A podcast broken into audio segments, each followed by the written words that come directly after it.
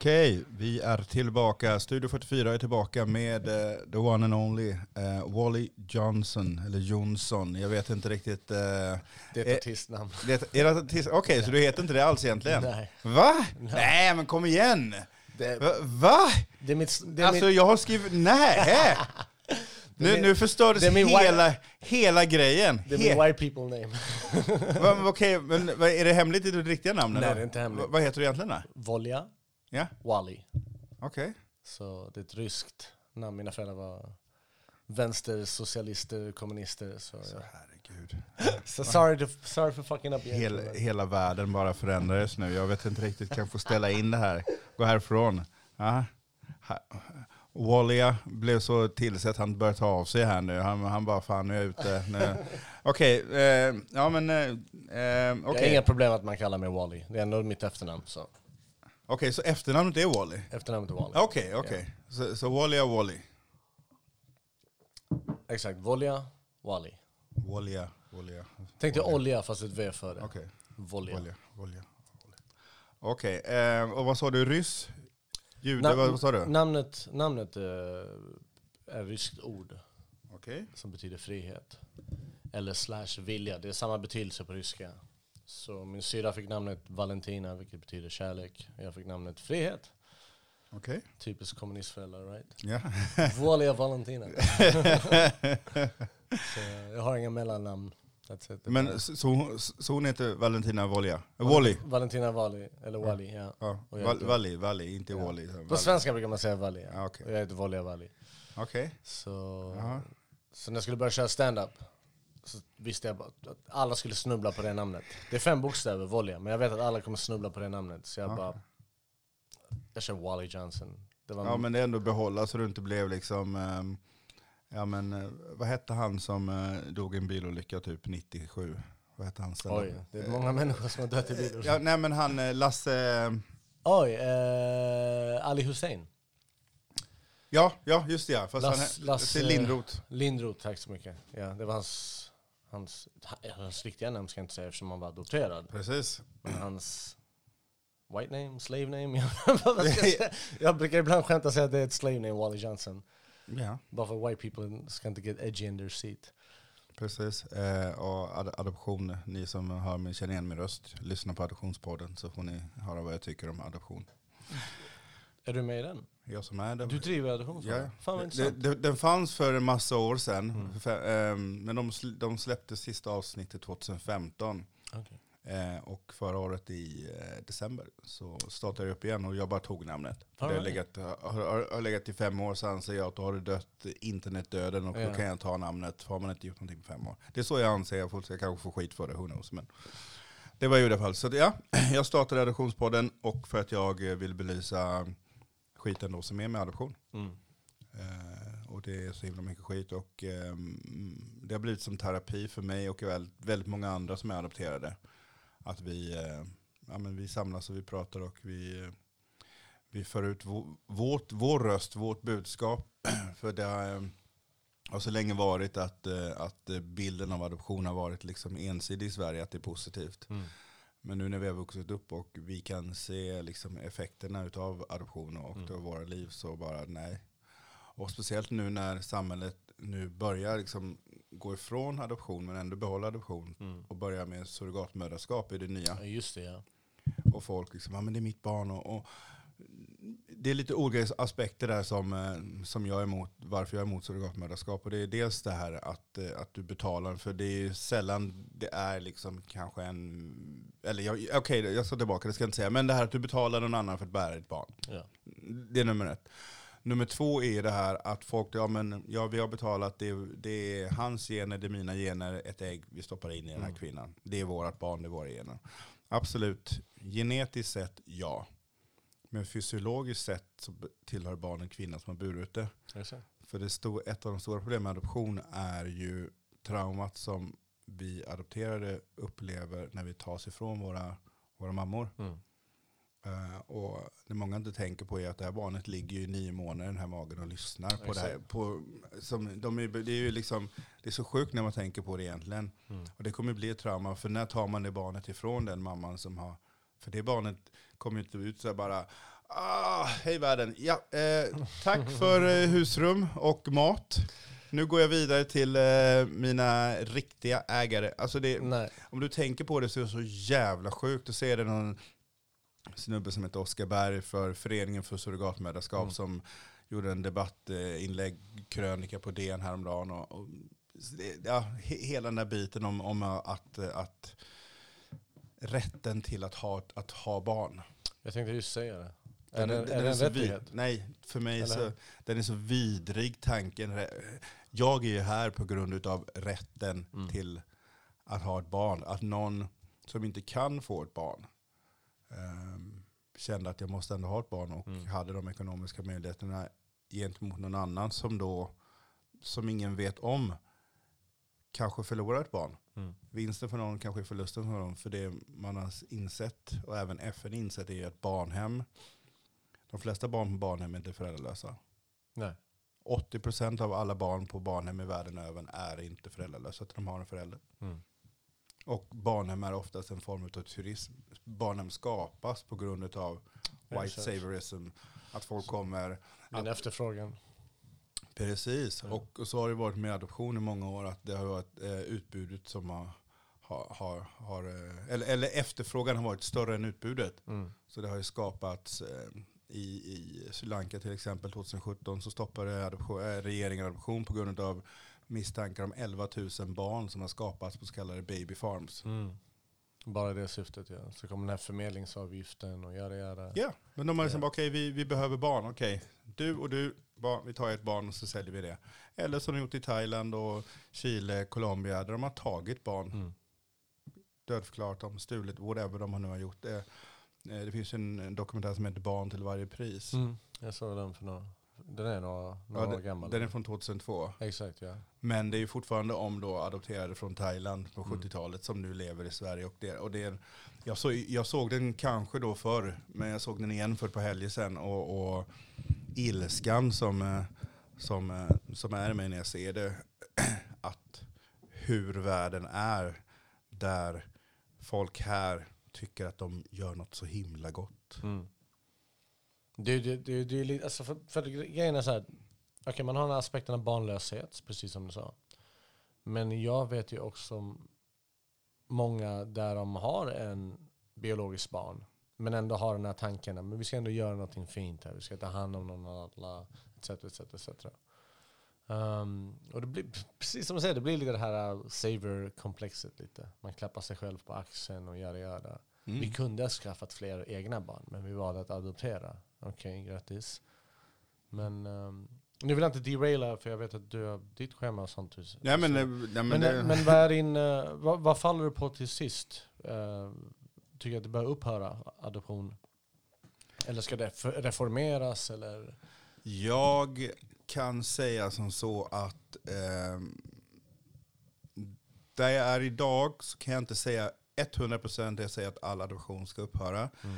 Däremot så tycker jag att adoption, fast samtidigt, jag kan inte säga att jag tycker adoption inom, inom landets gränser är bra heller. För, för det vi ser nu är ju att vi har oppositionspartier som gärna skulle vilja att man skulle kunna ta barn från föräldrar i Sverige som inte sköter sig Mm. och sen adoptera dem då till andra föräldrar i Sverige.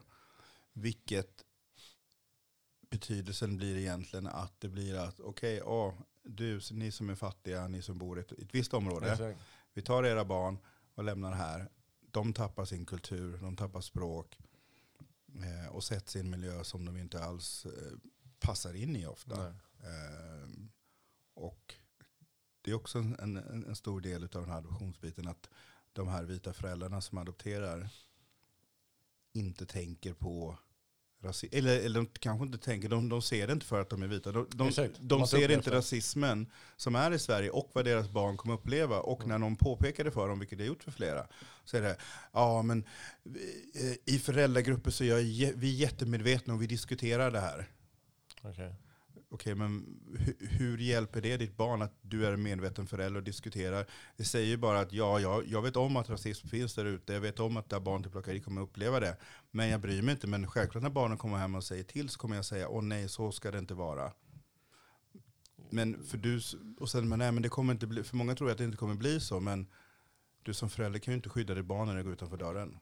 Nej, jag tror många har den här inbildningen att uh ja men vadå, mina vänner är öppensinnade och, och vår miljö och la la la och vi umgås inte med några rasister. Vet, ingen som är rasist anser att de är rasist. Precis. Eh, och, och du vet, jag har själv också en, en vän, eller vän och vän, vi är bekanta, vi växte upp också. Hennes föräldrar använde en ordet framför henne. Och hon var svart, adopterad från Colombia. Mm. Inte helvete fanns det i deras värld att de var rasister. Men vadå, jag är inte rasist, jag har ett svart barn. Mm. Ja men du säger, du använder det ordet, an, liksom andra handen. Och, Mm. vet, och jag kan bara tänka mig hur förvirrande det måste vara också för henne att växa upp med det. Ja, det blir ofta det som är, är om du har, får en diskussion med, med, med, svensk, med, med vita svenskar om, om, om det ordet, så får du ofta höra, jag känner en kille, han adopterar, han tycker det är okej. Ja, eh, om du hade varit lite smart så hade du dismantled hela den här, liksom chopped it up, okej. Ja. Du säger först att han är adopterad och han säger att det är okej. Nummer ett, han är adopterad. Troligtvis har han varit i sådana miljöer där han, är en av de, han eller hon är en av de få som Ja. är svarta. Vilket också har gjort att folk i de här miljöerna har velat dra skämt, har velat säga Mm. ordet och velat säga ja, men vi menar ju inte dig, ja, men du, vi tycker inte illa om dig, och, men jag är inte rasist, jag har alltid kunnat säga det, kom igen, det är väl okej att jag säger det. Det är de andra. Det är de ja men precis, och, och till, till slut har den här personen varje dag, kanske inte behövt varje dag, men väldigt ofta när den har behövt förklara eller säga nej eller någonting, så, så tröttnar man och bara okej, Ja. ja du kan säga det. Man bara go with the flow till slut. Precis, för man orkar inte säga emot. Och då sen så, några år senare så sitter den här polaren, kanske inte ens har kontakt eller whatever, så bara, men min polare, ja någon polare du hade för 10-15 år sedan, Ja. så du, du, känner ingen, om man, du känner ingen svart person idag, för det Nej. ser man på dig, för att du skulle inte säga så här, för det finns väldigt få idag som tycker att det är okej. Att Det, är använda... bara, alltså det, det är väl bara ursäkter man ger sig själv. Och samtidigt måste man också säga så här. eh, lika lite som jag från Mellanöstern, att vi är en homogen grupp, lika lite är svarta en homogen grupp också. Så jag förstår att visst, kanske det finns många svarta som genuint inte tycker att det är någon fara att man använder det ordet. Men det betyder inte att de representerar alla. Nej, och självklart så finns det väl någon där ute, men samtidigt behovet utav, det, det är också så roligt att, att folk ofta liksom, eh, när man pratar med folk i Sverige så bara, ja men eh, där är plötsligt så tycker då folk så, ja men ni är ju inte en homogen grupp i detta tycker folk. Men annars, Annars är man buntas man precis, ihop. men i ja. detta, ja men det finns säkert de som tycker det är okej. Mm, återigen, backa bandet. Jag tror inte det för att är det någon som tycker okej så är det för att de säger att okej, för att de inte orkar. För de inte orkar diskutera, de orkar inte sitta i en diskussion med sin vita flickväns, eh, så här bara, ah, men jag känner folk och min, jag har haft svarta pojkvänner innan och det ena med Mm. bara, okej men när du har suttit med din svarta pojkvän och, och din släkt och någon säger någonting och Mm. de säger men, men, men ta inte illa upp eh, Ahmed, vi, är inte rasister här. Ska han då bara, eh, jo jag tar illa upp, ni är rasister. Alltså kom Det igen. blir dålig stämning. Och, Precis, hur många gånger har inte jag varit i en situation där, där de bara "Ja, jag menar inget illa och, och sen så svarar jag bara okej, eller du tar väl inte illa upp, gjorde du det? Ja men jag menar inget illa, bara okej men jag tar illa upp. Och då ofta så är det inte personen som säger det, utan då är folk runt omkring bara, men ta det lugnt nu, ta det lugnt nu Gabriel. Ja, Bara, ja, vänta, vänta nu, va? Jag? vad, vad, vad gjorde jag? Ja men starta inte en diskussion nu. Ska jag inte starta en diskussion? Sluta vara så känslig. Precis. Den har jag fått höra flera gånger. Sluta Ja. vara så känslig. Eller du är, inte ens, du är inte ens själv svart Wally, vad bryr du dig för? Vadå är jag inte själv svart? Alltså, du vet, jag har haft många partners som har varit svarta. Och jag hatar att dra det kortet. Jag ska inte, jag, jag ska inte behöva dra det. Använd inte det här ordet. Varför då? Ja men min fru är, är svart. Jag ska inte behöva dra det kortet heller. Men det är precis som du säger, det, det är ingenting annat än, än jag upplever en maktgrej. Det, ja men det är det. Det är bara, hur, hur, kan jag, hur kan jag få den här människan att känna lite annorlunda? Men jag droppar det här ordet på honom. Mm. Och det är bara larvigt. Jag, tycker jag tycker det larvigaste är ursäktandet av. Vi har haft den här diskussionen hemma hos Paul innan. Men Mm. jag säger det och jag säger det igen. Jag, oavsett vilken etnicitet du är. Jag tycker inte man har något att förlora på att bara droppa det ordet. Jag tänker inte säga till svarta att använder inte etc. etc. Precis som om två kvinnor vill skämta med varandra och kalla varandra bitch. Det är upp till dem. Jag tänker inte slänga mig in, hey what's up bitches? Men jag ser, även, om svart, även som svart så ser jag inget problem med att bara droppa det fucking ordet. Sluta göra poppis, för det märker jag hela tiden att vita använder det. Ja men det sägs i hiphopmusik. Och det där var jätteförvirrande för mig också. För jag förklarade hemma hos Paul. Jag var den, mörka, en- den mörkaste ungen i en väldigt vit miljö. Så då blir man... ja, ja, mig. Ja, ja, men- Eller hur? Eller hur? Ja, ja, ja. Right? Det var så vitt jag var min, min nyans var... Och det, det, det är hilarious. Det är fucking hilarious. Och aldrig har jag blivit kallad neger så mycket som när jag var liten. Så jag har ingen, alltså, jag har ingen pos positiv association till det. Jag hatar till och med när jag själv säger det. Men det är bara för att folk ska fatta vad det, vad det huggs in med. Så det går från det. Och det går från att jag och de svarta polare man har, vi blir kallade det. Sen kommer tonåren, och så börjar vi lyssna på hiphop. Och då kom den amerikanska motsvarigheten av ordet. Och då plötsligt försökte man, det blev en konstig, jag kallar det gisslansituation, situation. Stockholmssyndrom. Där någonstans man vet att det här ordet inte är rätt, men nu ska vi reclaima det. Och här kommer det förvirrande för andra människor utav färg som inte är svarta. Det finns genuint många svarta som inte har något problem när människor av färg säger det. De hatar när en vit människa säger det. Ja. Jag märkte det i Toronto också. Alla mina svarta vänner kallar mig det. Och du vet, när jag quotar någonting, jag bara, men hur varför har ni inte problem med att jag säger you're not white? Jag bara, okej. Men jag tyckte ändå att det inte var rätt heller. För jag kommer ihåg, vi hade en asiatisk kille i vår klick. Han droppade ordet hela tiden. Jag bara, ibland brukar jag kolla, jag bara, this, this just looks weird att kolla på det utifrån. Så jag bara känner, jag känner, jag känner bara, det finns ingen annan eh, folkslag som gör det här. Ingen annan vär- nedvärderar sig själva genom att hey, what's up man? Hey, what's up cracker? All good crack? Alltså ingen annan gör det. Vi, av någon anledning så har vi valt att göra det.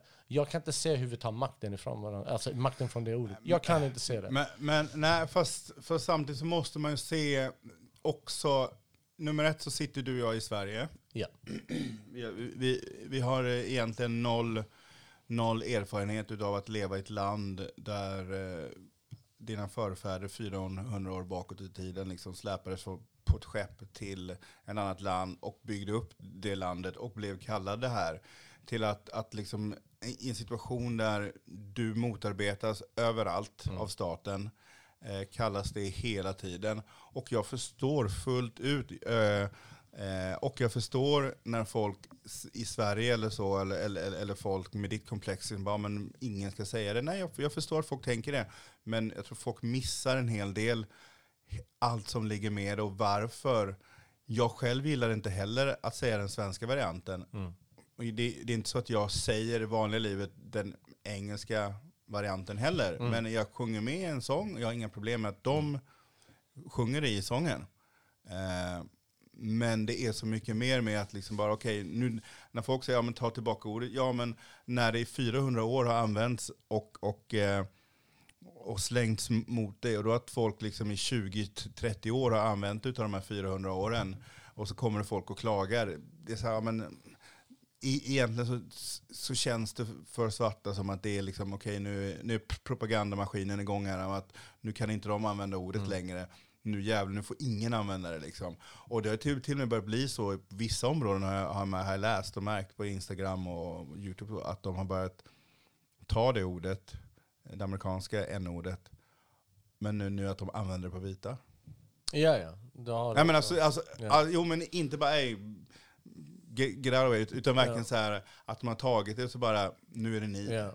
Att, att, att vissa aktivister inom rörelsen, Som sagt, jag, jag, jag, är ganska mycket emot förbud, men som jag säger, jag, jag, jag, kan inte se vad man vinner på att använda det. nej nej. Det är, det, som, det är det som min grej är. Och by the way, för någon som har, för någon som har varit gift med en svart kvinna, jag har varit ihop med många svart. Jag kommer ihåg när jag var- gift med en kvinna från uh, Karibien. Hennes bror brukar kalla mig det när vi snackade, yada, yada. men det fanns inte en chans i världen att han sa det framför sina föräldrar. Nej. Så eh, det, För det hans föräldrar är från den generationen Exakt. där, där den vite mannen sa det. Exakt. Och, och han är ju från generationen som ville reclaima det. Exakt. Eh, För att han växte inte upp, i det här fallet, St. Vincent, en liten ö i Karibien. Men mitt ex, Michelles föräldrar berättade till exempel, det här, var, det här är på 70-talet, kom det vita människor, då var det tvungna att stiga av gatan, väntat som gick förbi, bocka med huvudet, ha- have a good day. Det var fortfarande, och sla, slaveriet var ju upphört sedan länge sedan, men ändå är hierarkin kvar, att du kollar inte white people in the eyes when you talk to them och sådana grejer. Och så det, ja, men, eh, men, men det är också ett exempel. Du Ja, men- kommer inte undan med att säga det to the elders. Men, och, och det när man hör dig berättar det så förstår man ju, eller då förstår, då förstår man verkligen irritationen bland många vita i USA när de får en president som har väldigt mycket melanin i sin hudfärg. Alltså kan du tänka dig att de har växt upp från att de är små i sina hålor runt om någonstans i USA och, och, och hört den här historien om, om the white supremacy hela, hela tiden och så bara helt plötsligt så ser de världen förändras. Hur, ja, det är lite intressant, vad försiggår i huvudet på någon som verkligen är inbiten white supremacist när allt som sker nu sker? Tänker de då, oj, nu, alltså vad tänker en sån person? Vad tror du? Skit, skitbra fråga. Först och främst, det som är så jävla ironiskt med Obamas pre presidency, hans presidentskap, är att ja, han var den första svarta presidenten. Men i alla, alla polls så är han också den mest omtyckta presidenten. Så det är så jävla lustigt hur det gick från det till den här jävla orange shitface vi har nu idag. Vilken kontrast liksom. Mm. Uh, jag, jag, vet inte, jag, det är precis som du nämnde innan. För, för, för, förlåt, sa att han var minst omtyckt? Mest? Ja, mest. Ja, ja. Av alla. Ja, ja. ja. Och, och, ändå är det precis som du säger, för att man glömmer hur institutionell... Först och främst, USA skapades inte för någon annan än den vita mannen. Precis. Det är vad folk glömmer. USA som vi ser det idag, var inte skapat för allt annat. var bara, kan ni jobba för oss? Kan ni inte jobba för oss så driver vi bort er från det här landet. Precis. Det är vad folk glömmer också. Nummer två. Redan, jag tror det var redan 1900, den andra vågen av Ku Klux Klan som kom på 1920-talet. Mm. Då var USA ett land med 110 miljoner invånare. Där 6 miljoner människor var aktivt medlemmar i Ku Klux Klan. Sätt det sen i proportioner hur många av de här har barn, barnbarn som har vuxit upp med det här. Mm. Det sitter, jag vill inte säga att det sitter i, DNA, alltså i DNA på dem, men det är en nedärvd rasism. Um, och det är precis som du säger, det, det liksom, jag vet inte om man kan jämföra med rasismen som vi har i Sverige, för där är det, de har lärt sig i generationer. Svarta är mindre värda än oss, judar är mindre värda, etc. etc, mm. etc. Så det är jag, jag, skitbra fråga. Jag vet inte riktigt vad som pågår i deras huvud. Jag vet inte om de... De, har, haft snack, de har ju snackat om raskrig forever, de här, alltså de här människorna. Mm. Och till och med äh, Malcolm X, som äh, många black nationalists snackar om att det kanske kommer vara inevitable, att vi kommer, ha, det kommer vara oundvikliga, vi kommer ha ett raskrig. Jag vet inte. Jag, jag blev bara, på ett sätt blev jag glad när Barack vann. För det måste vara liksom störigt för de rasisterna att nu har de en svart ledare. mm, ja, ja. Alltså, alltså, men men det, det är många som säger att det var anledningen till att Donald Trump vann. Att, att de lyckades mobilisera den vita rasistiska arga mannen och kvinnan mm. från att de, okej okay, det här är inte, de som kanske varit soffligare innan, mm. att han fick upp dem uh, och, och, och, och samlade liksom, och han fick, för hela hans grej med Make America Great Again, när, när, när var America Great enligt honom? Ja, men 50, 60, 70-tal. Mm. För vem var det great i America Exakt. då? Det är samma sak här i Sverige när man snackar om att det var bättre förr. Mm. För vem? Mm. Det var inte för mig. Jag, jag minns 80-talet, jag har aldrig blivit kallad så mycket rasistiska grejer som mm. på 80 och 90-talet. Så jag, jag vet inte vem de snackar om. Jag kan, jag kan definitivt garantera, du växte upp i Kalmar? Ja, jag landade. Yeah, tell me no more. så, yes. Men, uh, fan var det? Jag tänkte på någonting som kom jättebra här med det vi sa. Just det. Jag köper inte 100% det där att det var Baracks anledning till att vi har Trump idag. Nej, nej, nej, nej. nej, nej, nej, nej, nej. Nej, jag säger inte att det är din tes. Utan jag, bara, jag, jag har också att, hört det där. Jag, jag, säger att det var en av anledningarna ja. att, att många såg, okej, okay, så här kan vi inte ha det. För att för dem är USA ett vitt land. Ja. Eh, jag, vet inte, jag, jag, kommer inte ihåg allt vi pratade om hemma hos Paul, men eh, något som Jane Elliott tar upp mycket är ju pro-choice-rörelsen i USA och var den kommer ifrån. Mm. Och då att det ska finnas, jag, jag kommer inte ihåg vad boken, rapporten heter, jag ska ta fram det och lägga upp det som länk sen. Um, om att eh, redan på 90-tal så kom de fram till att 2042 cirka så kommer eh, vita amerikaner Minoritet, ja. Precis. Men de insåg att, att eh, 66% av alla foster som aborteras i USA är vita foster. Mm. Och enligt dem, om de inte skulle bli apportera de här 66 procenten, då skulle det vara, då skulle de behålla sin majoritet. Mm. Och det är en anledning till varför du ser att det är ju enbart vita män. Som snackar med pro-life grejen. Precis. Yeah. Och några få kvinnor som då säkert har blivit påverkade av sin vita man eller sin vita pappa eller något sådär. Som, men Och det är oftast också en, en dos eh, religiositet involverad också. Det är Men det- kristna grupper oftast. Det är det de bygger det på. Alltså de bygger ju, alltså jag, ja, nej. Ja, att USA är ett vitt protestantiskt land. Det är liksom så de ser det som. Men det är, jag, tror, jag tror det är oundvikligt. Sen är det också en sak folk sätter inte perspektiv. Kultur är inte statiskt. Nej. Det, är alltid för, det kommer alltid förändras. Mm. Spola tillbaka tiden 5000 år sedan, svenskar såg inte ut som de gjorde idag heller. De första svenskarna som vandrade hit, eh, eh, de till och med teoriserar att man hade li- lite mörkare hud. Blåa ögon och lite mörkare hud till exempel. Den vita genomen, det är 12 000 år sedan den uppstod. Och det har skett i två vågor. Den första uppstod 12 000 år sedan runt Mellanöstern. Det var när vi började äta vete. Så påverkade det hudfärgen. Den andra vågen kom när människor började vandra upp norrut. Och det finns ingen jävla sol här. Så de bara, hej, ni måste vara typ genomskinliga för att kunna absorbera D-vitamin. Så för the majority part of the humans history så har vit, den här ljusa hyn existerat 12 000 år av vad? 200 000 år som Homo sapiens existerat. Så det, det jag vet inte, jag, jag tycker hela världen har varit väldigt duktig på att uh, whitewasha historia allmänt. Mm. Eh. Men, men, och, och, och tillbaka till det, för, för, för det är det där, det har ju varit så. Och det, och det, är, det, det är det jag undrar, det, det är därifrån min fråga kommer. Vad tänker någon som är white supremacist idag när de ser att hela deras historia, tes, allting är upp, som är uppbyggt håller på att krackelera för att nu när, när världen är global och man kan eh, connecta och prata och, och, och utbilda sig själv så börjar ju folk inse att oj, det där stämmer inte, det där stämmer inte, det där stämmer inte. Och ja, eh, ja men jag undrar liksom, vad tänker de, de när, när de ser att liksom, folk tror inte på det och de kan inte säga, de kan, det är svårt för dem att övertala någon och säga white is supremacy. Mm. Okej, nummer ett, varför behöver du säga det om det är så? Varför behöver du säga det? Och sen titta på saker och ting som sker i, i, i världen, eh, till exempel inom idrott. mm.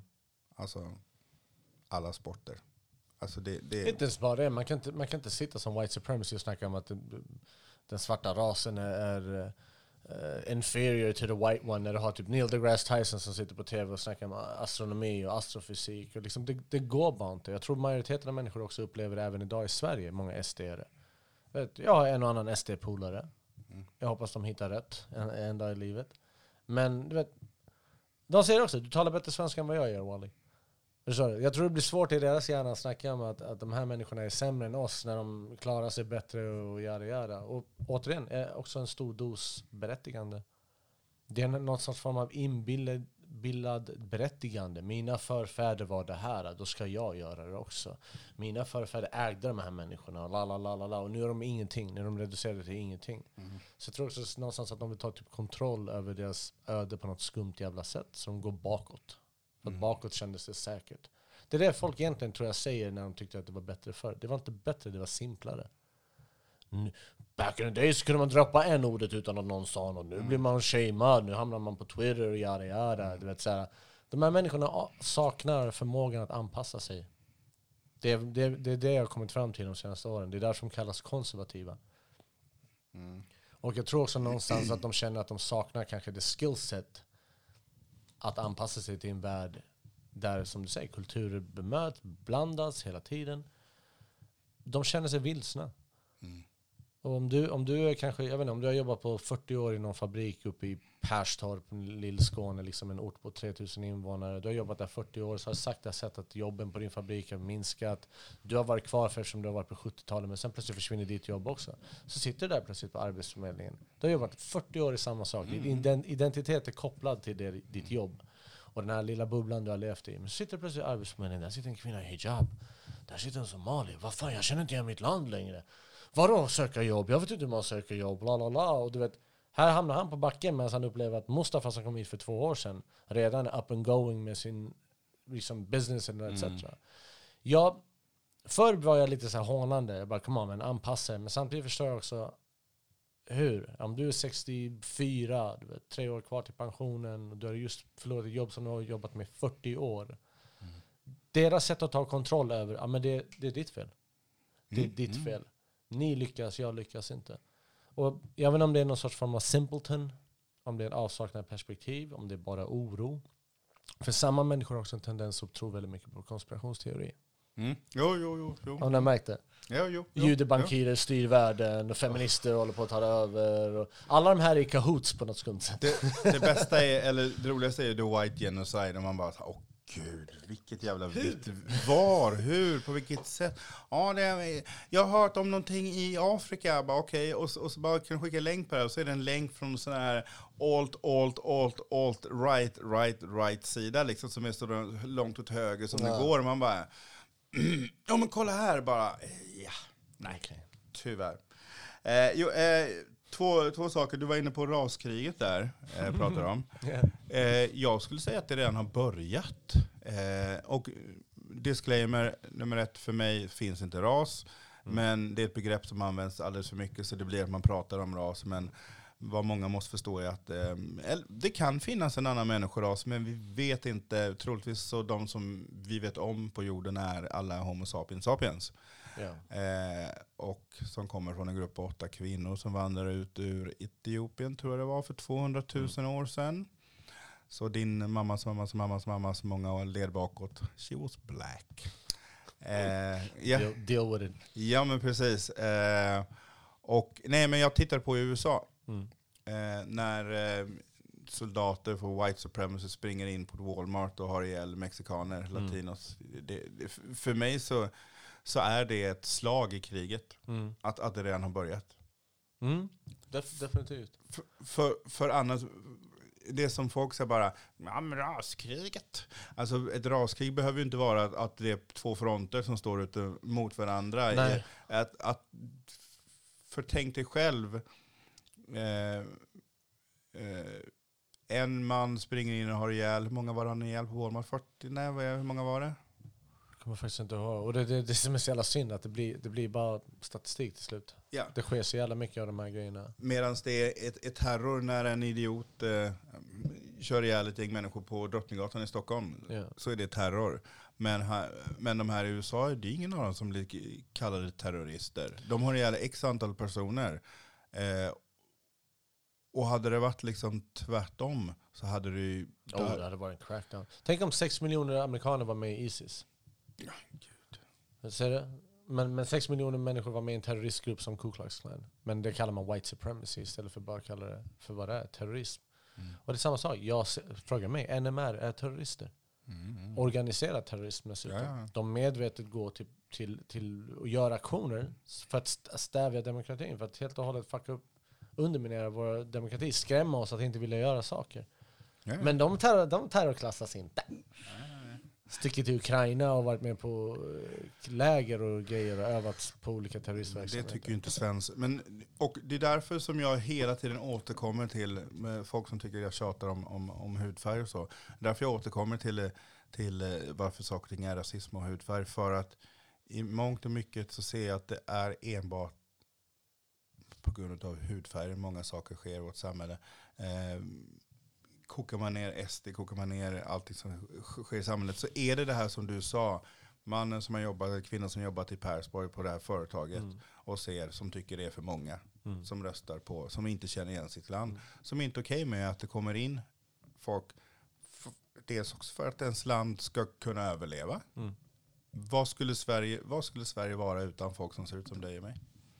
Alltså på 60-70-talet Sverige hade inte blivit vad det är idag. Nej. Bara än idag så, så producerar Sverige mer rikedom än någonsin. Det är bara att det inte hamnar i rätt fickor. Ja. Eh, men uh,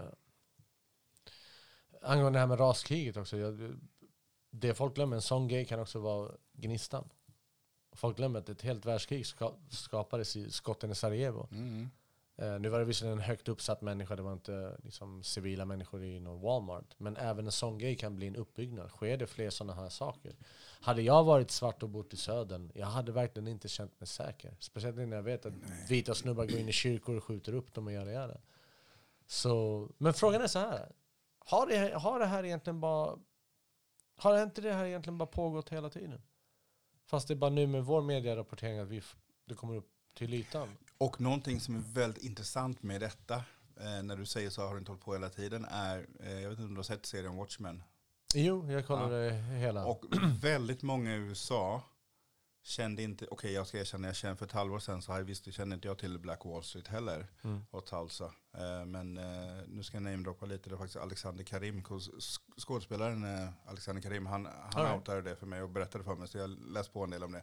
Men i början, första avsnittet på tv-serien, inte filmen Watchmen utan tv-serien som kom Ja. här nu i höstas, eh, så är det från Black Street, Tulsa, Oklahoma, Ja. 1920, 1921 Exakt. och vad som hände där.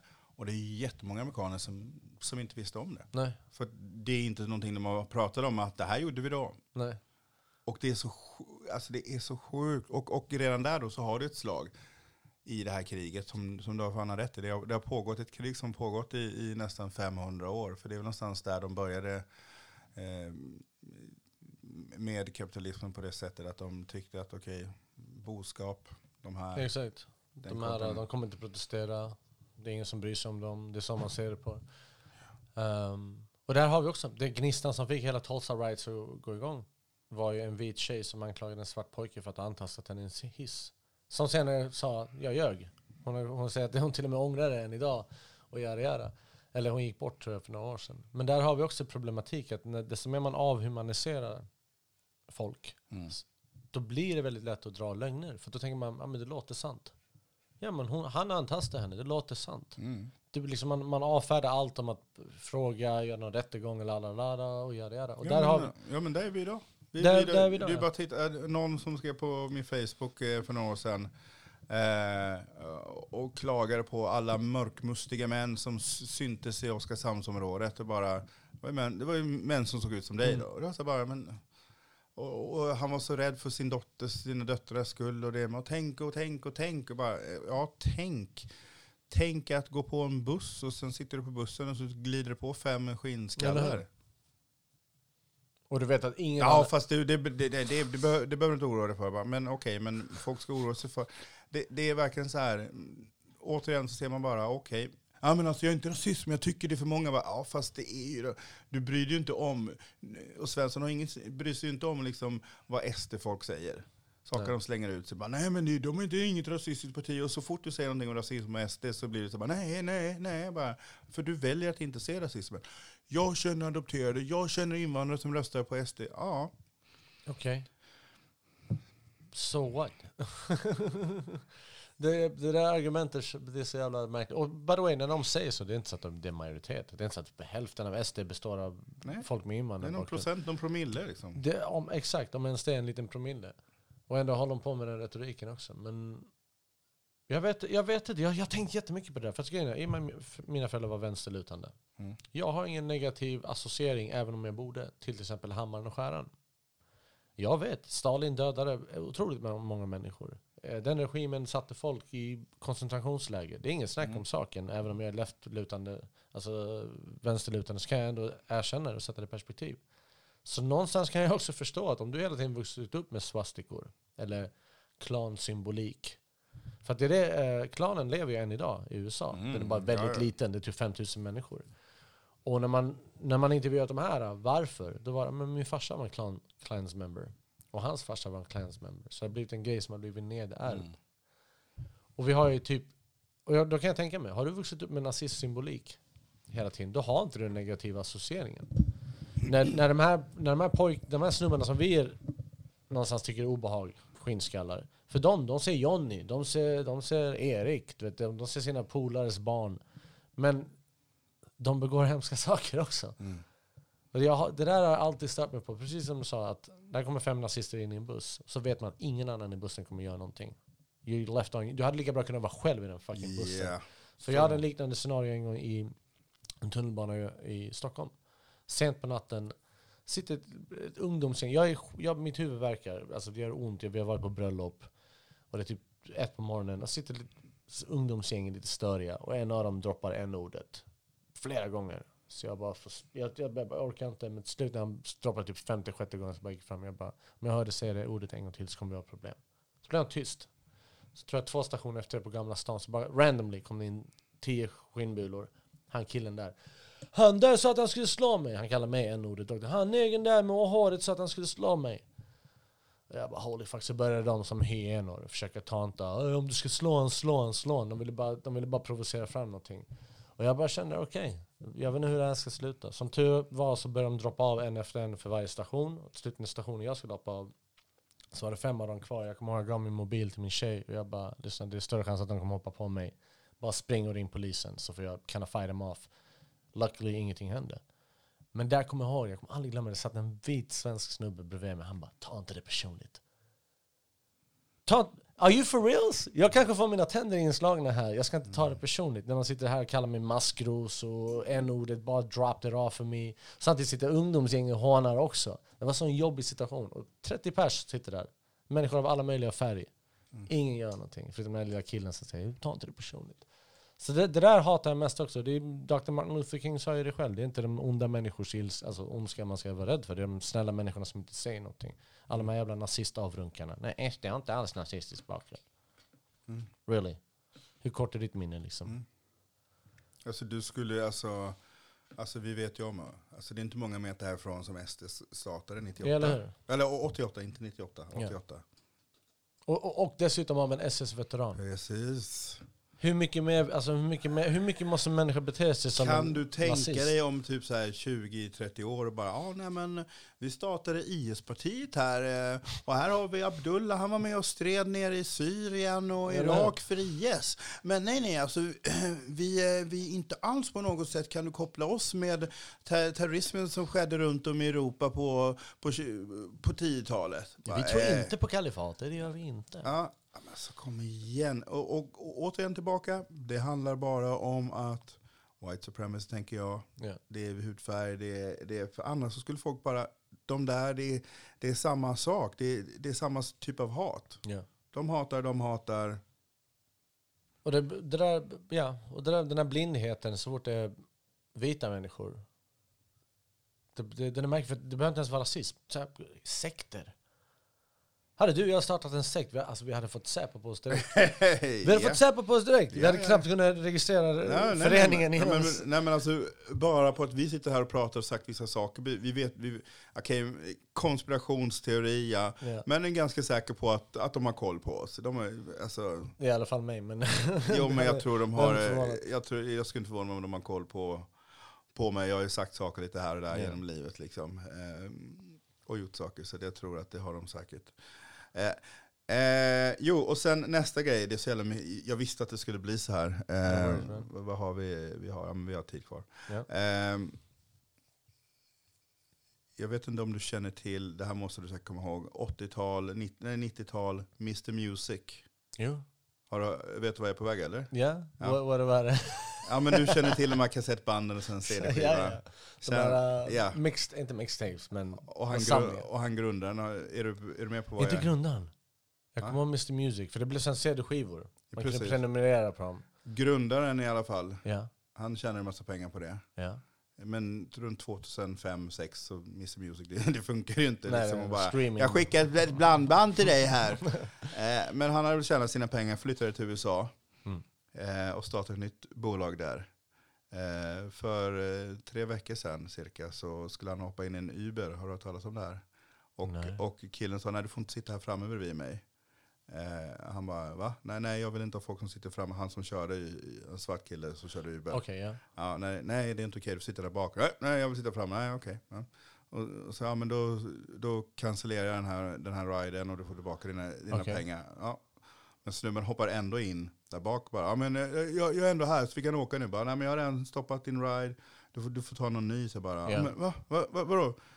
Får inte jag åka med? Vad, vad är problemet? Är det för att jag är vit eller? You fucking nigger. Fucking nigger. Droppa han ordet på honom? Ja. Oh lord.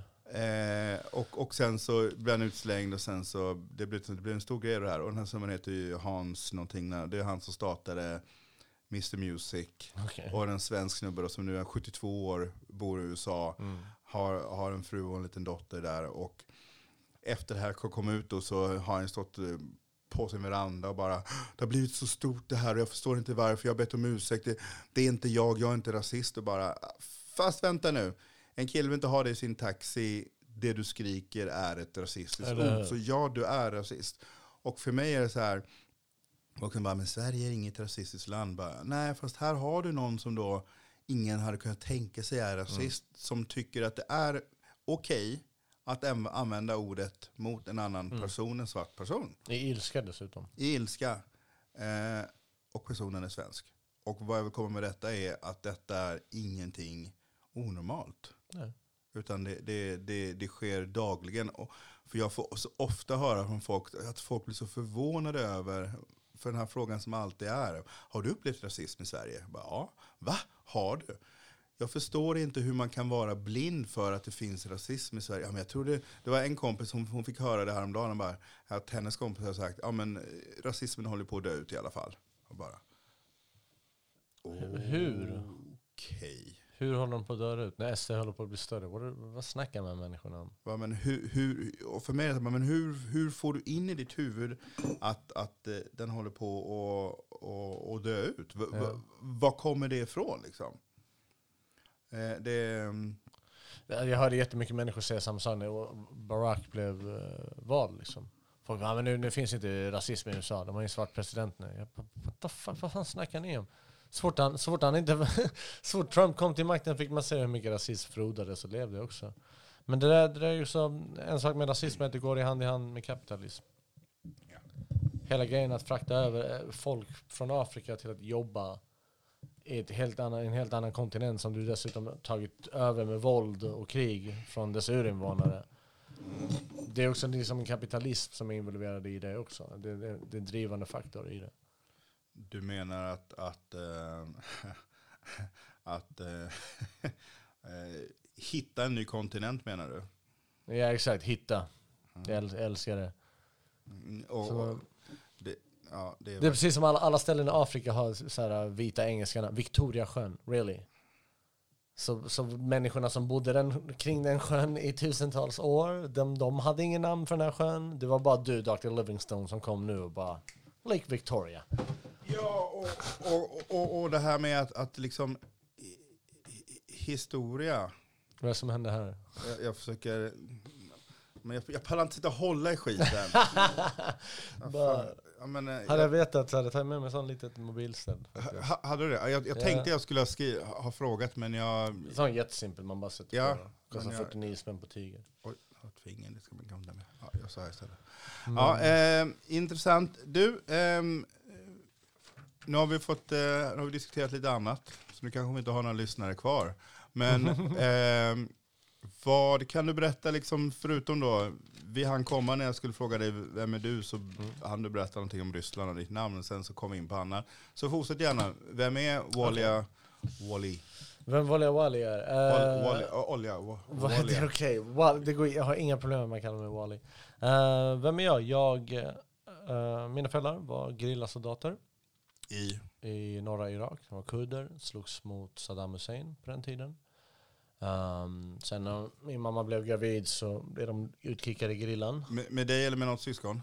Med mig då. Jag, jag är äldst, jag har bara en yngre syster. Så Okej. vi är bara två. Kurd i Irak, ja. Ja, så när hon blev gravid så funkar inte att ha ett barn i gerillan precis. Eh, så de blev typ utkickade eller vad man ska säga. Det var då de valde att fly. Det var mitt i Iran och Irakkriget. Så vi kom hit 84, när jag var nio månader gammal. ehm, till Halmstad. Och så bounceade vi omkring lite här och där tills jag landade i Stockholm 1988. Så växte jag upp där tills jag kom hit sen som 21-åring. Och ehm, Ja, ehm, som jag nämnt innan, mina föräldrar var väldigt left, alltså, vänsterlutande, socialistiska. Så redan från tidig ålder så växte jag upp med mycket... Mina föräldrar följde alla socialistiska rörelser världen över. Så min farsa i sitt lilla kontor så hade han du vet, en bild på Angela Davis, en på Che Guevara, en Martin Luther King Jr. och Patrice eh, Lumumba, eh, Kongo, Black Panthers, hela, hela en grejen. Han var bara, det var bara hans grej liksom. Och han prenumererade på en tidning som heter Ospal, som jag kan skicka till dig sen. Som hade så väldigt ikoniska omslag. Det var liksom the, the union of Africa, Asia och eh, South America liksom. Som färgade människor med andra ord. Så därifrån så har jag, jag har alltid varit rebellisk. Jag har väldigt tidigt fått veta av mina föräldrar att det finns strukturer i den här världen. Och det är lite bara till folk där ute nu eh, eh, och de som Nu, nu är det ingen som följer mig på liven, men jag livar i alla fall. Men jo, att det här med uttrycket som du sa nu. Jag har stora problem med uttrycken färgad och mörkhyad. Jag använder brist på bättre Nej, nej, men jo, nej, men nej, men nej. Men alltså- låt oss diskutera. Ja, Ja, nej, nej, men, eh, eh, och, och, och det här med att säga färgad, för det, å, återigen så, så blir det hela tiden att normen är vit. Exakt, man utgår från vitheten.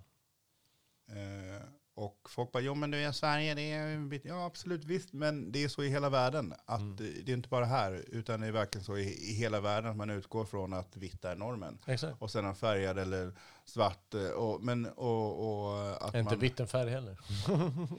right? Precis. Eh, Det, jag märkte det när jag bodde i Toronto, det var jävla mycket fokus på det här med etnicitet. Och så när jag fyllde i blanketter, så are you a visible minority? Jag bara okej, a visible minority. Men det är väl eh, eh, på grund av Elizabeth Warren och hennes eh, 6% eh, Nej, native American. na- native american och hela den grejen också. Så jag håller med dig. Jag använder, jag använder, jag använder tyvärr många ord bara br- brist på bättre alternativ också, att folk inte alltid fattar. Mm. Uh, men ja, yeah, people of color, whatever den termen är. Men uh, så tidigt hade jag en väldigt rebellisk sida av mig. Jag förstår att det är liksom, världen såg ut som den gjorde. Och allt det här, anledningen varför jag berättar det här är för att det är det som senare ledde till att det jag håller på med nu med min cannabisdokumentär. Mm. Um, när jag väl började bruka när jag var 29 så det första som slog till mig var varför är det här illegalt? Varför? Du vet, jag har alltid haft problem med auktoritet sen jag var liten. Jag tror det kommer från all rasism jag fick utstå. Jag hatar när gubbkärringar skulle hålla på och säga till skit. Och oftast bara för att man var liksom svartskalle. Så mycket. Det här fick jag också alltid höra. Det här var ett internt skämt mellan mig och min vän. Det här är inte Turkiet brukade vi säga. Så där, om man hade fötterna uppe på sätet brukade jag alltid skämta. Carlos, ta, ner fötterna, det är inte Turkiet. Och det kom från att en gång så hade vi köpt skitstora, du vet, back in the days fanns det gettoläsk. Det var innan allt var tvunget att vara pantbart. Jag vet inte om du kommer ihåg sådana. Vi köpte sån tre liter fattig generic cola. Tre liter flaska för 10 spänn. Han hade köpt någon Sprite-variant och jag hade köpt min cola-variant. Skulle vi dricka dem medan vi gick så råkade han tappa sin flaska. Bara spillde ut typ en liter. Så var det någon kärring bakom mig. Vad håller ni på med? Det här är inte Turkiet. Jag bara, och det här blev sån, sån vet, ett skämt som var kvar. var- Jag visste inte man hällde ut läsk hur som helst i Turkiet. Maybe that's the thing. Så därifrån har jag alltid, jag har bara hatat. Jag, och det är också varför jag inte kan ha en chef riktigt. Jag hatar när en chef andas i nacken på en. Jag hatar auktoritet. Jag hatar... Liksom, står det en skylt så här, gå inte på gräset. Well guess what? Jag kommer gå på gräset bara för Jag, jag känner igen allting du säger. right? Så länge inte det är så här, rör inte du kommer dö. Det, det fattar jag. Men såklart, sen när jag började röka gräs så blev den här rebelliskheten ännu mer. Och jag kände bara att eh, det här är fel. Um, det är inte bara fel att det är, jag tycker att man ska få rätt att inta vilken substans som man vill. Men det är ingen fucking tvekan om att det är rasistiskt. De här lagarna som omger eh, droger. Det, man kan lika bra säga att det är, man, det är minoritetslagar. För det är det man egentligen haffar. Sverige, innan invandring så är det fattiga människor man har siktat sig in, in på. Även Mm. idag. Så jag kollade runt, tänkte det måste finnas, det måste finnas någon cool svensk dokumentär. Det fanns ingen svensk dokumentär om det här. Så jag bara, you know what? Jag ska göra en dokumentär om det här. Men jag visste också att nyckeln till att den här dokumentären skulle bli omtalad, hamna på tapeten, hade med att göra hur jag presenterade den. Så jag valde helt enkelt att vara öppen. Vilket var väldigt ovanligt för fem Mm. år sedan. Eh, på det sätt som jag gjorde. Här är jag, här brukar jag cannabis, jag skäms inte över det. Och så är jag med i tidningar och syns i alla möjliga medier. Och det har lett till en normalisering som, jag säger inte att jag var ensam i det, för vi var väldigt många. Men jag har bidragit till det vi ser idag. Att riksdagen nu har sagt att de ska ha en utredning om, eh, om eh, vet du, narkotikalagarna. Det, jag har förutspått ett tag nu att det kommer bli avkriminaliserat, bruket. Inte legaliserat, utan att om du blir haffad och du är röd i ögonen så kommer inte du bli straffad. Eller om du råkar ha lite cannabis på dig så beslagtar det, du får ingen bot. Dit kommer vi komma. Hej Rita. har, vi- har vi en? Vi har en nu. Vem är, vad heter han eller hon? hon heter Rita. Rita, Rita Badawi. Tack så jättemycket. Du får speciell uppmärksamhet. Enda- jag som ståuppkomiker är van ibland att det är väldigt få människor i publiken. Så. But you, you're getting our undevoted uh, attention. Rita är eh, palestinier eh, född i Syrien, tror jag. All right. Ja. All right. Salam alaikum. Mm. Eh, men det är det, så det är väl därför jag sitter Oj, här. nu, nu, nu svarar hon eh, haha tacksk. Jag vet inte om det är något mellanöstiskt eller om hon har bara skrivit fel, men jag antar att det är tack. Vi hoppas på att det är Vi tack. hoppas på att det är tack, ja. ja vad härligt. vad häftigt, det här är första gången jag lajvar och någon engagerar. Är det sant? Yes salam skrev hon. salam. Ja, salam. Nu sitter det någon, eller nu de som kollar efter han, någon sån här vit svensk som bara "Äh, herregud, jag kan inte kolla de tar över här, muslimerna. Ja? Muslimerna, De pratar så här, kom till terroristerna. De är i cahoots med Haiti. Ja, ja visst, ja, visst, Haiti, ja, ja, ja, så är det. Men eh, nej, så det är väl därför. Så de senaste fem åren har jag hållit på med den här dokumentären. Det har varit jävligt kämpigt. Jag hade aldrig i mitt liv trott att jag skulle bli så utfryst för att jag har haft med det här ämnet att göra. Allt traditionellt stöd i form av SFI, svensk eh, filmindustri, eller film i Skåne, allt det där, jag har inte fått ett skit. Varenda gång jag ansökt om någonting så, ja det här projektet är oseriöst. Jag tycker det är märkligt för det är en dokumentär, det är ingen spelfilm. Mm. Eh, kanske jag romantiserar lite, det är ändå min story, men det är fortfarande en dokumentär, jag dokumenterar verkligheten. Mm. Um, så det har varit superkämpigt. Också det som har kanske mest, varit mest kämpigt i och med att jag valde att vara öppen, jag valde det själv, jag får stå mitt kast, så har det varit omöjligt att få ett vanligt jobb. Ingen vill anställa en riksknarkare som syns på tidningar och hörs och yada yada.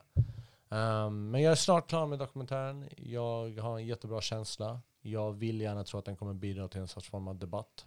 Hur, hur kommer den distribueras, släppas, hur kommer den eh, synas? Var? Eh, nu har jag inte haft kontakt med dem på länge, men förra året hade jag en dialog med eh, HBO, Netflix eh, och Showtime som eh, jag tror Showtime ägs av CBS eller inom samma koncern. Jag kommer inte ihåg vem jag var jag snackade det. Så jag har, jag har jag tänkte tacka nej om den hamnar på SVT, men det är inte min ambition. Jag vill Nej. att den ska, jag vill att den ska jag vill att folk ska veta vad det är för fakta lagar vi har i Sverige kring Mm. cannabis, att det är vår religion. Jag måste bara ställa en, eh, hoppa in med en fråga Varsågod. här. Eh, och det är, kommer du göra någon, någon form av teaser eller trailer till den här filmen? Det Dokumentären? finns redan ute. Det gör det? Ja, det finns Men, massor. men är det så att när man har sett den, kommer man behöva vänta runt sju år på det? För jag, det är någon, jag har sett någon teaser-trailer till någon tv-serie Mm. på YouTube. Okej. Om, om det skulle handla om tre, fyra karaktärer, släpptes 2013.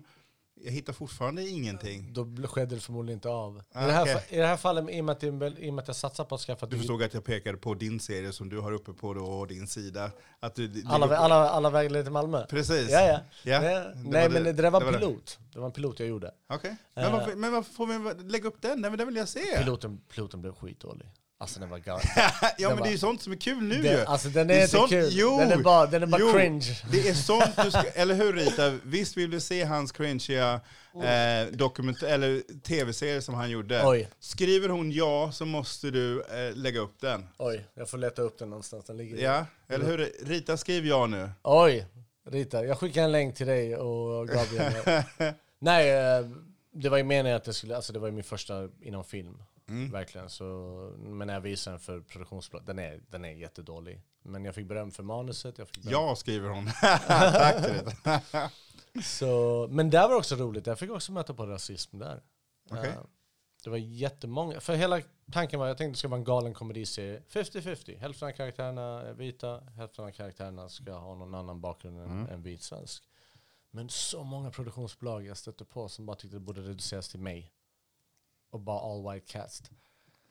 Hela, hela, min, hela min centrala punkt, du vet alla, alla, alla sitcoms eller alla show har någon central punkt. I Friends är det Central Perk, Mm. den lilla coffeeshopen. Men det var en, en tv-spelsbutik som faktiskt en vän till mig som är asiat, lång, ägde på den tiden. Det tyckte de var, det fanns inte i deras värld. De det, det, det låter inte realistiskt. Och jag bara, dude, hans ställe var lite av en fritidsgård för han hade en soffa, så kom alltid hans vänner, kom och Mm. gick. Så det var bara en naturlig idé som föddes, här kan vi göra en ro, rolig komediserie. Men så mycket skit, en snubbe, en executive, han bara, jag tycker den här ska ut, utspela sig i en pizzeria.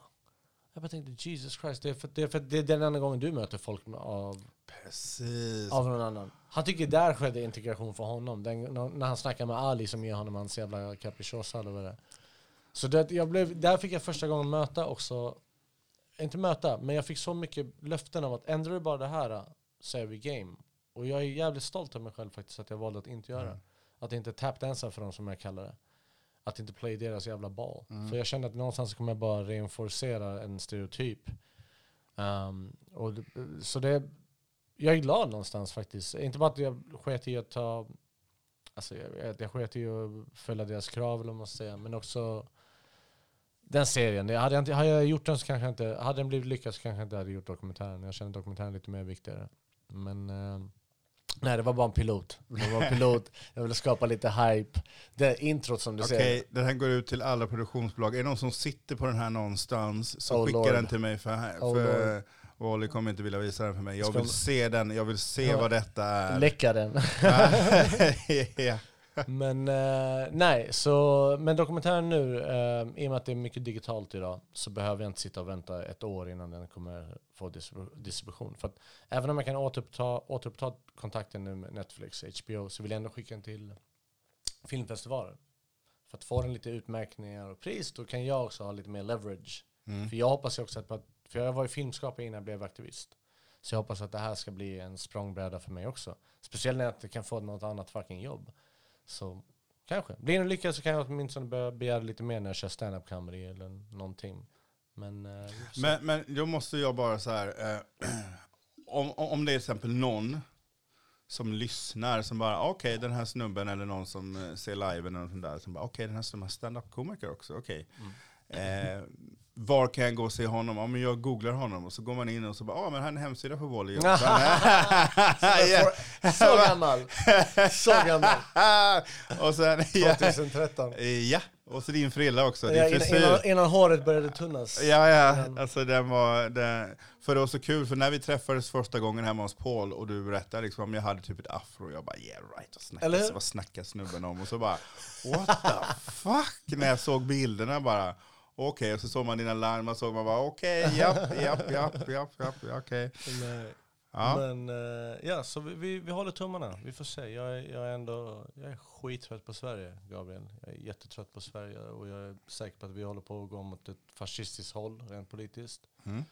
Så jag, jag känner att jag har fått en liten stress på mig. Att jag, vill, jag, vill, jag tror det här blir mitt sista år i det här landet. Jag, ja, jag kommer låta som en Sverigevän nu, men jag känner inte igen Sverige. Uh, och det är inte för att det har varit invandring. Utan jag känner inte igen Sverige på, på, på hur svenskens attityd har ändrats. Hej dig Suri. Nu har vi två stycken som tittar, wow! Nu är vi en crowd på riktigt. Ja. Nu är vi det. Så vi får se. Jag, främsta anledningen är det jävla vädret. Jag kan inte ta det här jävla vädret. Nej. Är du kreativ, min hjärna blir till gröt på vintern alltså. Helt jävla gröt. Så let's see man. Jag får se. Um, men stand-up comedy, vill ni se mig så har jag faktiskt ett eget ställe. Okej. eh, på Bear Ditch. Som eh, Ja, det, vänta nu, vänta nu, Be- Bearditch, är det det på Nobel? eh, Nobelvägen, exakt. Där vid Södervärnskuken som malmöiter så fint Just kallar det. det. Eh, där har jag första tisdagen varje månad. Är det engelsk comedy. Och sista onsdagen är det på svenska. så gratis. Alla kan komma förbi och titta. Kostar inget. Så vill ni se mig uppträda, go ahead. Där kan ni se mig. Men eh, det är väl kort och gott egentligen vad jag är. Jag är filmskapare. ehm, Okej, så dokumentär nu om cannabis. Har det finns något namn, arbetsnamn eller vad? Mary and I. Mary and I? Ja. De- Jag skickade jättegärna trails. eh, Ja, men gör det så lägger jag För det var de trailers som också satte mig på ka- kartan Okej. lite. Som, eh, som har hållit eh, the buzz alive, så att säga. Men Ja. absolut, jag skickar allt, allt jag har. Tror du kommer gilla det. Tror, tror jag verkligen. Vad, eh, vad mer då? Vad händer mer? Eller, eller, det är det du fokuserar på? Just nu är min fokus på det. Jag har hållit på med allt möjligt innan. Mm. Innan var jag också coach för något som heter, inte coach, för fan snackar jag om? Eh, MC, jag var, var kommentator för något som heter Toughest. En sån hinderbana. Jaha, okej. Ja, jag var uh, deras MC i fem år. Tillsammans Okej. med en annan komiker, Brian. Okej. Så jag tröttnade på det giget jävligt mycket. Um, politiskt har jag också varit lite... Jag var, jag var med och startade upp uh, Svarta Pantrarna i Malmö. Okej. Till exempel när de kom hit 2012. De hade öppnat en filial i Göteborg. okej. Så ville de öppna en i Malmö. Men eh, det gick inte så bra. Nej. Malmöiter, för, det, för du som inte är malmöit själv. Det är malmöiter, jag älskar Malmö. Jag har bott här sedan 2004. Jag måste göra den disclaimen. Uh, Malmöiter lider lite av en viss passivitet. De saknar lite det här uh, get going i sig. Förutom när någon eh, säger att de ska göra Hammarby till, eh, till, till Sveriges Då största jävlar. klubb. Då ska man, då ska man såga ner statyer. och- Tycker ja. du att det, alltså här är jag på något sätt eh, Malmö ljusblått färgad.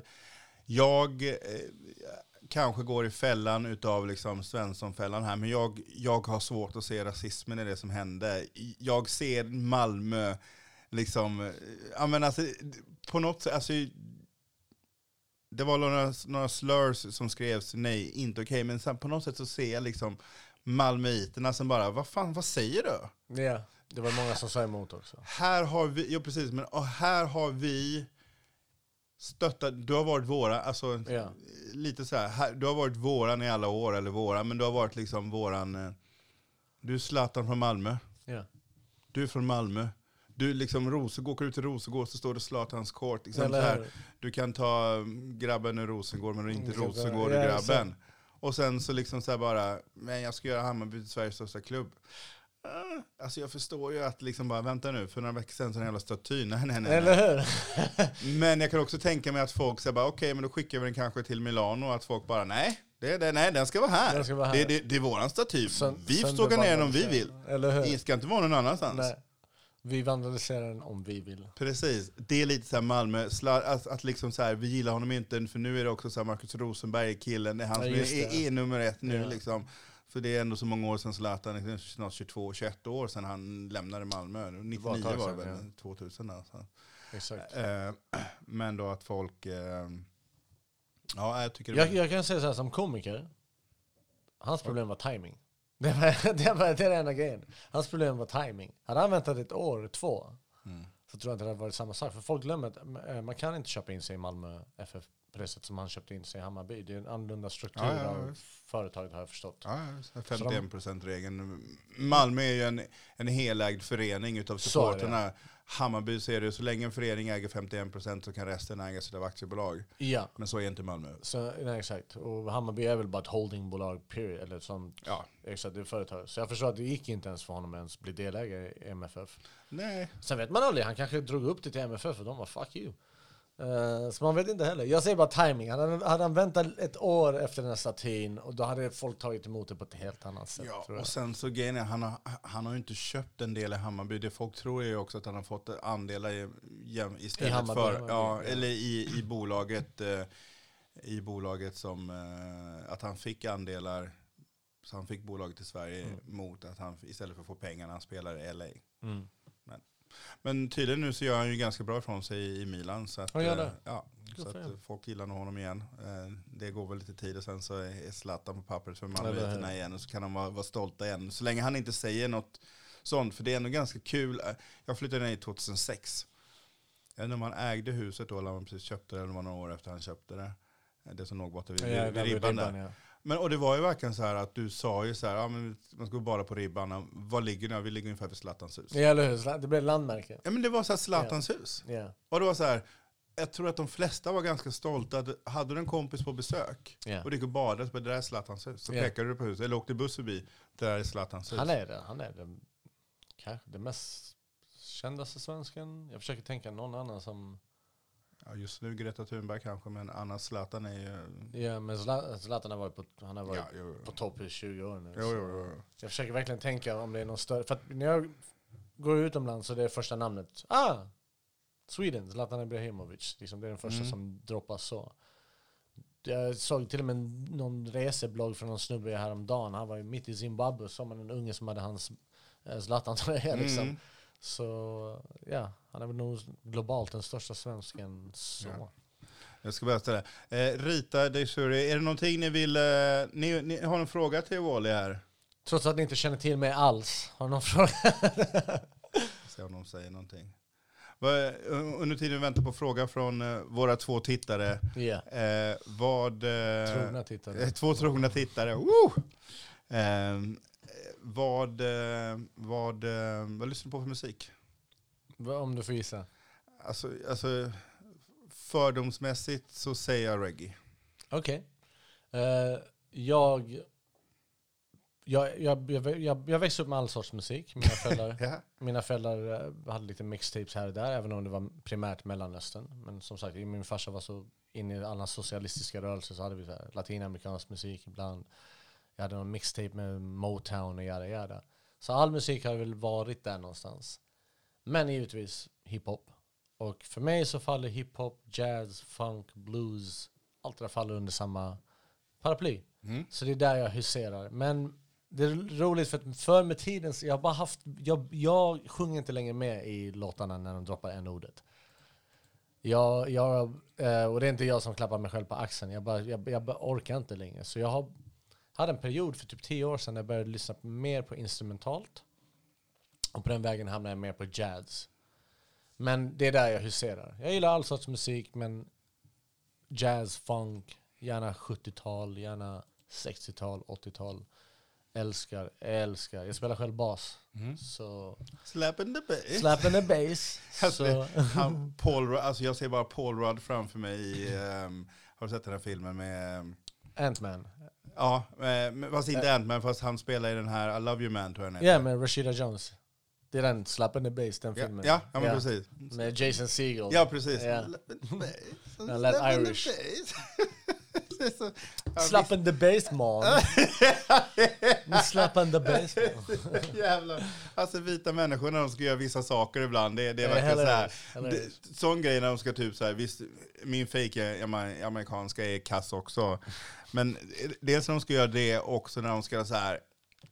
När Ja, de ska vara yo. ja det är det precis, och det är verkligen så här. Yo, det är, allt, de, det, är någonting de...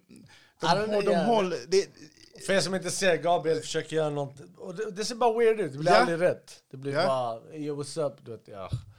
Eller när folk ska snacka svart med en. Nej. Man bara okej. Ja. Och nu börjar det komma frågor här.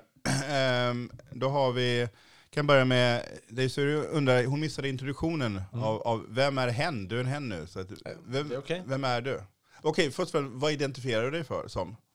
Ehm, Jag är tråkigt nog en cisman, eller vad fan det kallas. Okej? Jag är man och jag känner mig som en man och jag är heterosexuell. I guess. Trist nog, jag är den vanliga sorten. The regular kind. The regular kind. Har jag hånglat med någon kille här och där? Ja, experimentellt syfte. Oh my god, hörde Men det är så säker jag är i min sexualitet. Ja, ja, ja. ja, ja, ja. Så, Eh, okej. ja men, eh, och eh, berätta vad du gör lite snabbt. Vem jag är? Eh, jag är eh, främst en underhållare, Eh, standup-komiker, filmskapare som eh, ofrivilligt blev Sveriges ansikte utåt för cannabis. Så om ni googlar Wally Johnson så hittar ni massa roliga saker av mig. Och jag har de senaste fem åren hållit på med en cannabis-dokumentär, Mary and I. Och i den vevan när jag höll på med dokumentären så blev jag ofrivilligt aktivist i en grupp som heter Avkriminalisera cannabis. De ville ha någon som kunde vara facet utåt. Och på den vevan så fick jag ta en massa jävla debatter, intervjuer och yada yada. Och det är väl typ det senaste året jag har legat lite lågt för att jag vill bara avsluta med dokumentären. Och eh, ja, så det är väl kort och gott vem jag är. Eh, vi träffades via en gemensam vän. Eh, så Gabriel kände, vad fuck it, jag vill snacka med Wally. And here I am. Yes, Ja. härligt. Rita undrar, vilka andra projekt finns på din lista? Alltså något speciellt projekt du vill göra i framtiden? Oh ja, jag hade jättegärna velat göra en dokumentär om basinkomst. Jag är jättenyfiken uh, på hur vi kanske hur det hade kunnat implementera det. Det var, va? Basinkomst. Basinkomst, Mm. jaha. Alltså i mitt huvud... Vad tycker du att jag sa? Nej men alltså detta är så kul, för i mitt huvud, det du säger så här.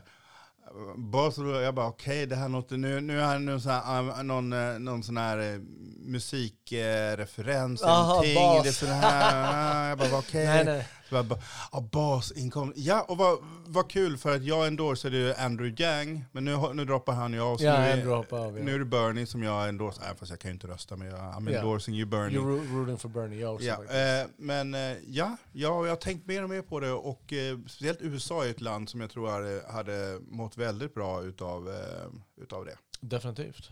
Definitivt. Sen säger jag inte att det är ett perfekt system. Det folk måste komma ihåg att alla system har vinnare och förlorare. Det handlar, handlar väl bara om att hitta det systemet som har minst förlorare. Mm. Uh, men jag känner dessutom för att en anledning varför vi har mycket rasism som uppstår i samhället är på grund av, som jag sa, osäkerhet.